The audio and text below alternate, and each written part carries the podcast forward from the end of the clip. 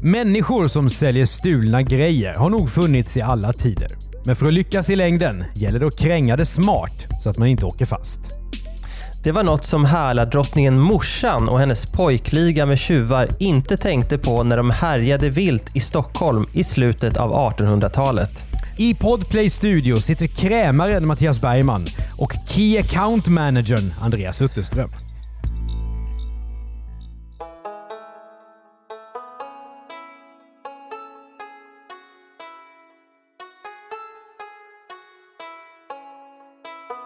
Du kanske minns 90-talskrisen med en ränta på 500%.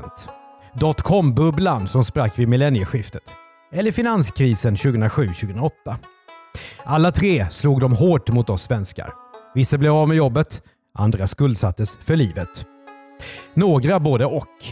Hösten 2020 befinner vi oss mitt i coronakrisen. Och vad den kommer att innebära på sikt är det ingen som vet. Men alla dessa bistra tider står sig ändå slätt om man jämför med hur det är i Sverige under 1800-talets andra hälft. Det är så illa att delar av befolkningen går under av svält. Därför lämnar folk landet som ett lämmeltåg.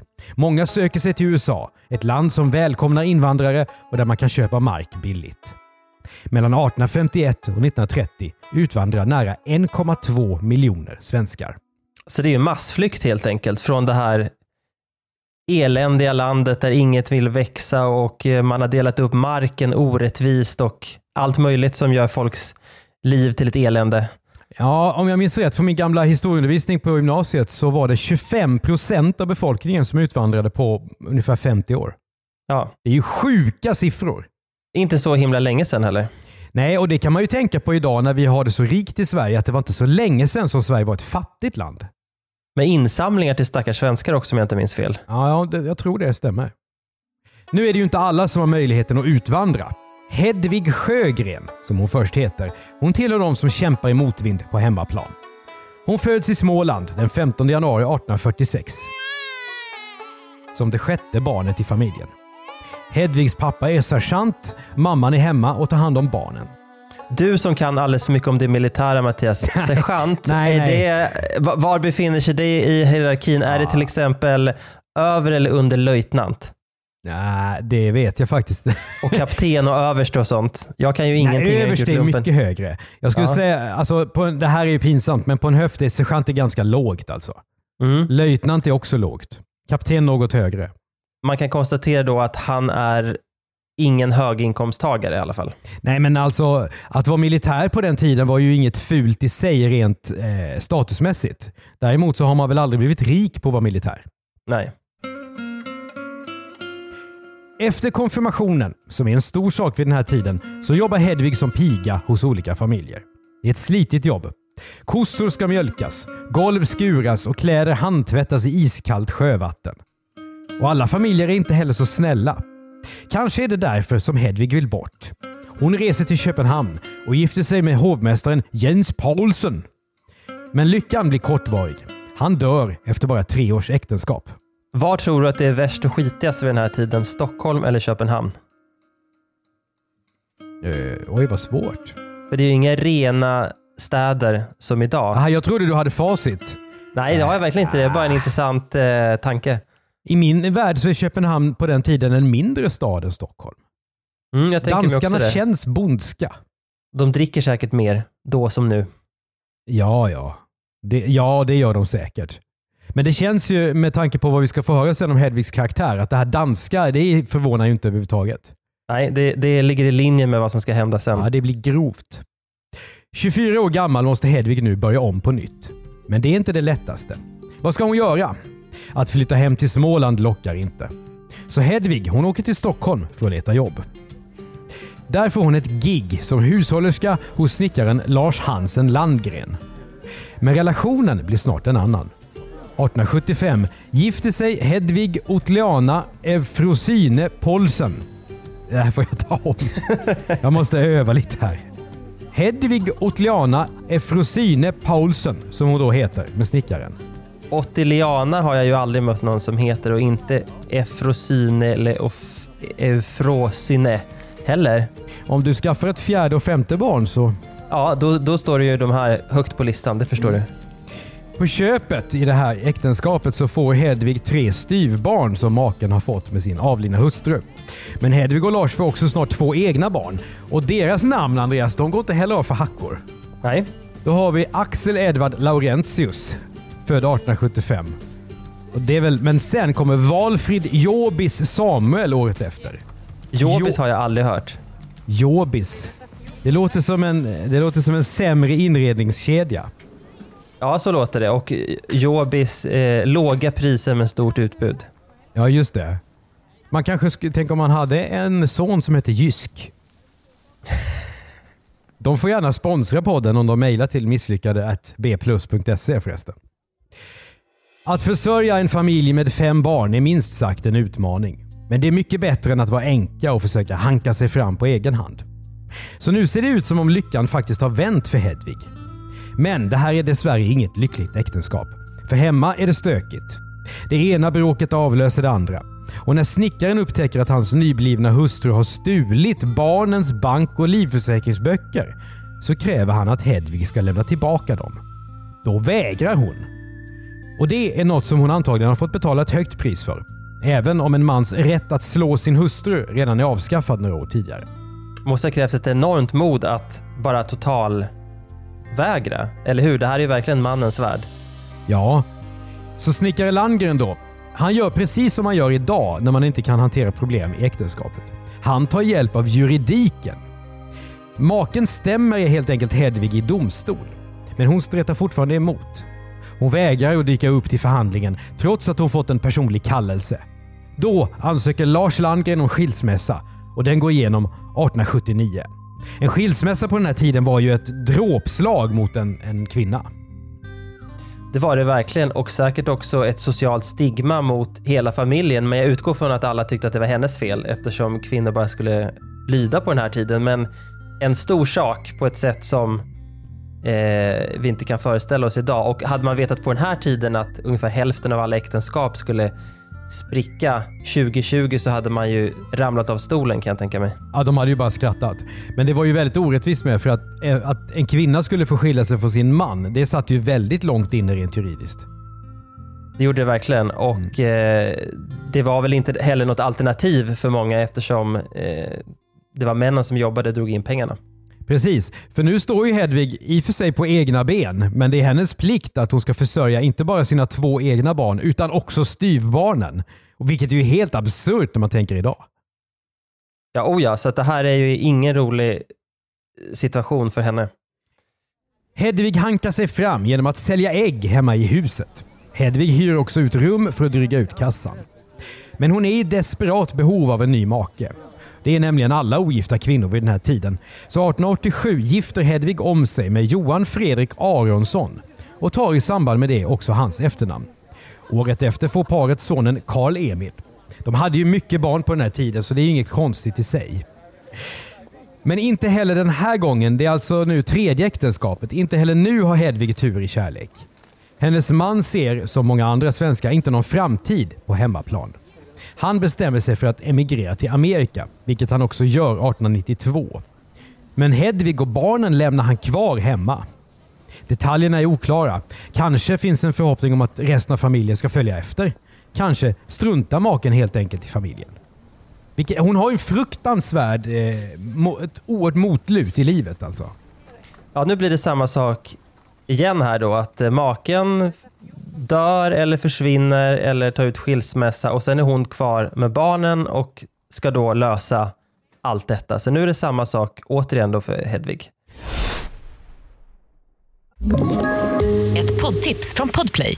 I podden Något Kaiko garanterar östgötarna Brutti och jag, Davva, dig en stor dos skratt. Där följer jag pladask för köttätandet igen. Man är lite som en jävla vampyr. Man har fått lite blodsmak och då måste man ha mer. Udda spaningar, fängslande anekdoter och en och annan arg rant. Jag måste ha mitt kaffe på morgonen för annars är jag ingen trevlig människa. Då är du ingen trevlig människa, punkt. Något Kaiko, hör du på Podplay. Därför är gardinerna. Ja, vad ska hon ta sig till nu då? Ska hon kanske expandera ägghandeln? Nej, Hedvig bestämmer sig istället för att driva ett café tillsammans med sin svägerska Emma. Efter ett tag så sadlar hon om igen och börjar istället att jobba i svägerskans nyöppnade klädmäkleri i Gamla stan. Det är alltså en butik som köper och säljer kläder. Det här låter ju nästan modernt om man pratar vintage, men på den tiden så var det ju inte, inte för att eh, medelklassen skulle få köpa något unikt plagg, utan det här var ju av helt andra skäl man hade klädmäkleri. Det var funktion för hela slanten kan man väl säga. Men affärerna går inte så bra. Med sex barn där hemma är situationen ohållbar. Så Hedvig bestämmer sig återigen för att dryga ut kassan. Och precis som när hon snodde styvbarnens bankböcker visar hon återigen att hon inte drar sig för att ta vissa genvägar. Genom sin son Karl-Emil kommer hon i kontakt med en driftig tjuvliga där medlemmarna heter saker som hämtade ur en pilsnerfilm. Det fanns ju inga pilsnerfilmer på den här tiden kan vi säga, men ja. Vad har vi då Andreas? Vi har ju då Ture Turken Eriksson Carl Wilhelm Piggen Strand. och Hjalmar Räpan Lövgren. Och det där med räpa då Mattias, vad betyder det? Ja, I min värld var ju Räpa en eh, vad ska vi säga, mycket otrevlig och kanske till och med ful kvinna. En räpa. Jag har gjort lite research här och det kan, det kan betyda då, eller kunde betyda risig och elak kärring. Men även eh, flytande orenlighet. Skit helt enkelt. Så man kunde säga häst och koräpa. En liten hög av spilling. Ja, ja, ja. Ja, att- ja. Hjalmar ska man- Skiten Lövgren. ja, vad ska alltså? man dra för slutsats? Att Hjalmar ofta var eh, dålig i magen eller att han betedde sig illa? Nå- något av dem måste det vara. Alltså, du och jag har ju bägge jobbat på kvällstidning, så vi vet ju hur lätt det är att få smeknamn. Eh, så jag tänker att för Räpan så har det väl räckt att han har gått i, i en kospillning en gång och sen har de skrattat och sen dess heter han Räpan. Förmodligen är det så. Ja, Turken Eriksson, den är intressant också, för det här är ju innan det moderna Turkiet är bildat. Han måste ha haft eh, mörkt hår eller något annat. Som Ja, ja, det är klart. Carl Wilhelm Piggenstrand, den, är, den kommer vi aldrig få veta vad det har med att göra. Jag undrar om han var pigg eller... eh, Ja, den, den är lite svårare att sätta fingret på. Hur gamla är de här personerna? Eh, vi kommer till det sen, men de är ju eh, i... Alltså vissa är ju i yngre tonåren och andra är 18, 20 sådär. Så de är, de är väldigt unga. Så att nu, nu har vi en väldigt lätt ton här, men det här är ganska eh, trasiga unga män som eh, i princip alla är arbetslösa. Jag får lite Peaky Blinders-känsla eh, över den här scenen. Jag har inte sett den serien, men jag har sett lite, lite scener och det, det är nog ungefär så man ska tänka faktiskt. Ja, det är liksom eh, ganska platt ljussättning och väldigt mycket skit på gatorna. Och eh, väldigt mycket hucklen. Ja, jag tänker också lite så här Jack the Ripper-stämning. Ja, absolut. absolut. Turken, piggen och räpan alltså. De flesta i den här ligan är arbetslösa män och unga. Vissa av dem bara pojkar.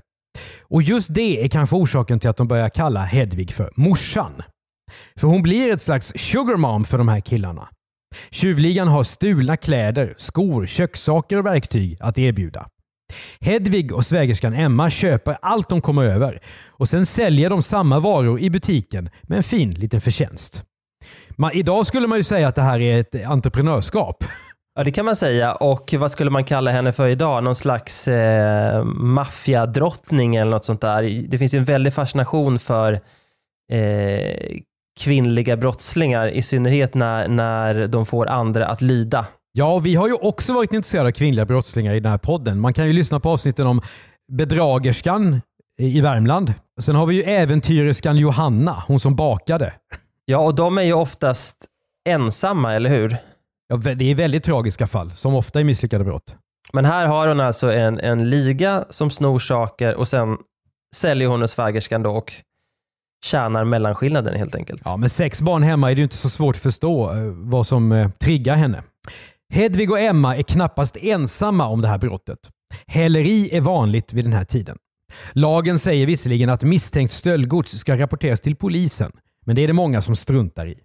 I synnerhet pantbankerna som ofta ser mellan fingrarna. Därför tänker säkert Hedvig att risken att åka fast är låg.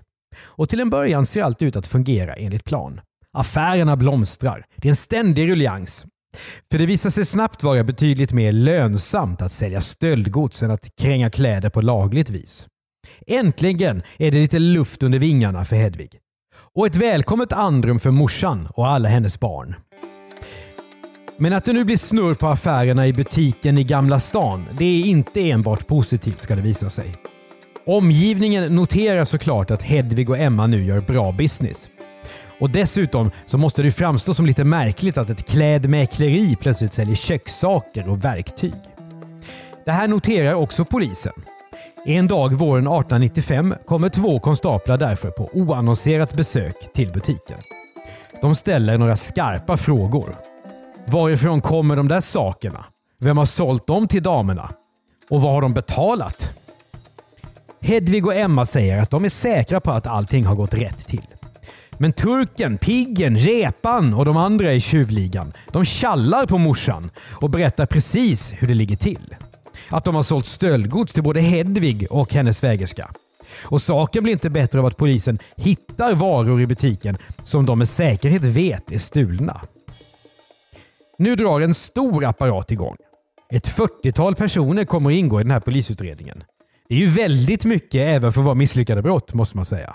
Och det här var en stor sak. Jag har ju kollat i DNs arkiv och vi, vi kommer till det sen. Det var väldigt omskrivet och verkar redan på den här tiden ha varit en stor fascination kring att det var en kvinna som var en slags ligaledare. Mm. Och Jag gissar att hon inte beskrevs med den empati som den sociala situationen hon sitter i skulle kräva idag. Det gjorde man ju sällan på den tiden. Den som säger att journalistik var bättre förr kan ju läsa till exempel DNs arkiv från 1800-talet och eh, kommer snabbt att komma på andra tankar kan jag säga. Mm. Järngänget i tjuvligan visar sig bestå av 10-15 unga män och pojkar. Hedvig har aldrig tidigare blivit dömd för brott, men nu ligger hon risigt till. Straffen är hårda på den här tiden och Sverige tillämpar fortfarande dödsstraff, även om det då inte blir aktuellt i det här fallet. Till slut åtalas Hedvig Aronsson för både stöld och häleri. Hon nekar till mycket i åtalet. Men hon erkänner några inköp där hon är överbevisad. Och det gäller 100 liter antracitkol, Fem strykjärn, en mortel diverse kläder från konkurrenter Wekawski. och en hink av koppar. Det här är tillsammans värt 76 kronor, vilket motsvarar ungefär 5 500 kronor idag. Men det var ju, måste varit mycket mer pengar på den tiden, när 76 kronor måste ju varit en halv årslön för vissa. Ja, det var väldigt mycket pengar och det här är ju bara då en, en eh, bråkdel av eh, vad hon eh, hade köpt. Men i, i just de här fallen så, så var, var bevisen så starka så det blev bara löjligt att neka helt enkelt. Mm. Tidningen Dagens Nyheter är på plats för att bevaka rättegången. Killarna ska enligt tidningen de senaste åren ha begått flera hundra stölder.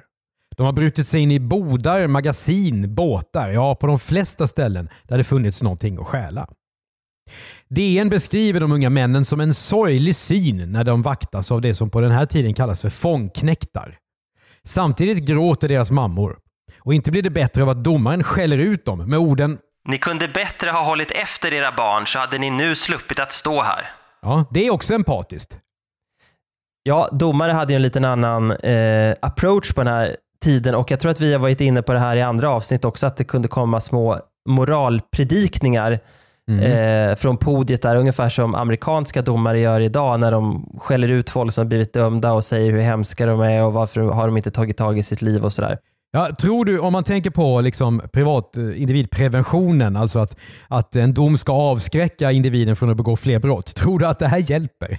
Ja, men det här är ju brott som begås i, på grund av desperation. Mm. Att Hedvig hade väl gått under och framförallt hennes barn hade ju fått svälta och hamnat kanske på fattighuset om hon inte hade gjort det här. Så att, jag säger inte att hon gjorde rätt, men man kan ändå förstå varför hon började begå brott.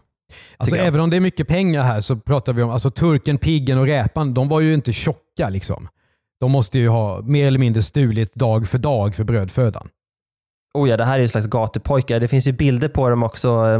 De ser väldigt små och bortkomna ut och någon eh, är fotograferad av polisen med bara överkropp och tatueringar. Så det här var ju killar som inte hade det särskilt kul i livet. De får du lägga ut på Instagram, Det ska jag absolut göra. där man kan följa Andreas Utterström. Killarna döms hur som helst till fängelse, straffarbete och böter beroende på hur involverade de har varit. Hedvig då? Ja, hon döms också av Stockholms rådhusrätt till ett år och tre månaders straffarbete. Dessutom åker hon på 300 kronor i böter. Ja, det är, ju, det är ju jättemycket pengar för henne. Men eftersom Hedvig saknar inkomst så omvandlas böterna till 16 dagars straffarbete. Hon döms också till förlust av medborgerligt förtroende i två år. Det är alltså hennes rätt att rösta, om hon nu hade varit man, vittna i domstol och ha en tjänst i den offentliga sektorn som till exempel lärare. Det här har jag aldrig hört förr. Inte jag heller. Förlust av medborgerligt förtroende. Tänk om man hade kört så idag, att man drar in rösträtten. Ja, återigen då, i USA gör man ju det. Då kan man ju bli av med sin rösträtt om man blir fälld för en viss typ av brott. Men det tror jag att det är få som skulle tycka var en bra eh, idé i Sverige, även om man kan höra sånt i samhällsdebatten där folk säger att man har förverkat sina rättigheter och sådär. Jag tycker att det vore absurt om vi hamnade här igen. Men man vet aldrig. Jag kan ju tycka att Hedvig, eh, och när hon avtjänat straffet, skulle ha rätt att få bli lärare. Det hade väl varit ett jättebra yrke för henne. Men inte det. Nej, det händer eh, lite andra saker för henne som vi kommer till nu. Ja, Hedvig avtjänar sitt straff i Stockholms länsfängelse. Det är hårt jobb och dålig mat. Men hon överlever och friges sommaren 1896.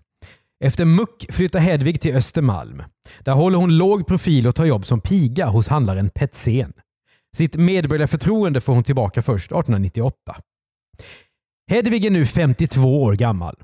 Idag kan man utan att skämmas åka skateboard och göra TikTok-videor i den åldern. Men på den här tiden är en 52-åring ganska gammal. Och inte minst fysiskt sliten. I värsta fall helt utsliten. Men Hedvig hon ger inte upp. Precis som tidigare i livet visar hon ett imponerande driv. En vilja att försöka få livet att bli åtminstone lite bättre. Så när hon nu får tillbaka sitt medborgerliga förtroende så är det en stor sak. För det betyder att hon kan få alla sina papper i ordning för att lämna Sverige och starta ett nytt liv utomlands. Hedvig utvandrar till Amerika 1898 för att ta upp kontakten med sonen Valfrid Jobis Samuel som redan stuckit dit. Valfrid Jobis Samuel skulle han då heta i USA. Låter bättre på engelska. Ja, verkligen. Och 1906 ja, då flyttar även Karl Emil, en av hennes andra söner, också till USA. Vad som händer med Hedvig Aronsson och sönerna i det nya hemlandet är okänt. Det kan vi fråga våra lyssnare som är lite bättre på släktforska än vad vi är. Hon lär ju ha ett gäng med släktingar helt enkelt. Berätta gärna det och mejla till misslyckade bplus.se. Kanske passade morsan ändå bättre i ett land som bygger på föreställningen, eller illusionen, att alla oavsett samhällsklass kan bli framgångsrika. Bara man kämpar hårt, sköter sig och inte säljer stulna strykjärn. Du har hört ännu ett avsnitt av Misslyckade brott av Andreas Utterström och Mattias Bergman. Exekutiv producent är Jonas Lindskog. För Podplay gör vi också poddarna Jag var där, Misslyckade affärer och Misslyckade makthavare. Shoutout Andreas! Till Stockholmskällan som är ett samarbete mellan bland annat Stadsmuseet och Stadsarkivet. Och deras material har varit eh, en viktig källa till det här avsnittet. Och så vill vi också göra ytterligare en shoutout till boken som heter från skuggsidan Folk och förbrytelser ur Stockholms historia som en antologi som Rebecka Lennartsson har varit redaktör för. Där finns det också material om morsan som vi har tagit del av. Betygsätt gärna podden och skriv en recension så är det fler som hittar till den. Och mejla gärna idéer som vi kan berätta om i podden. Till exempel andra morsor som säljer stöldgods. Till misslyckade bplus.se.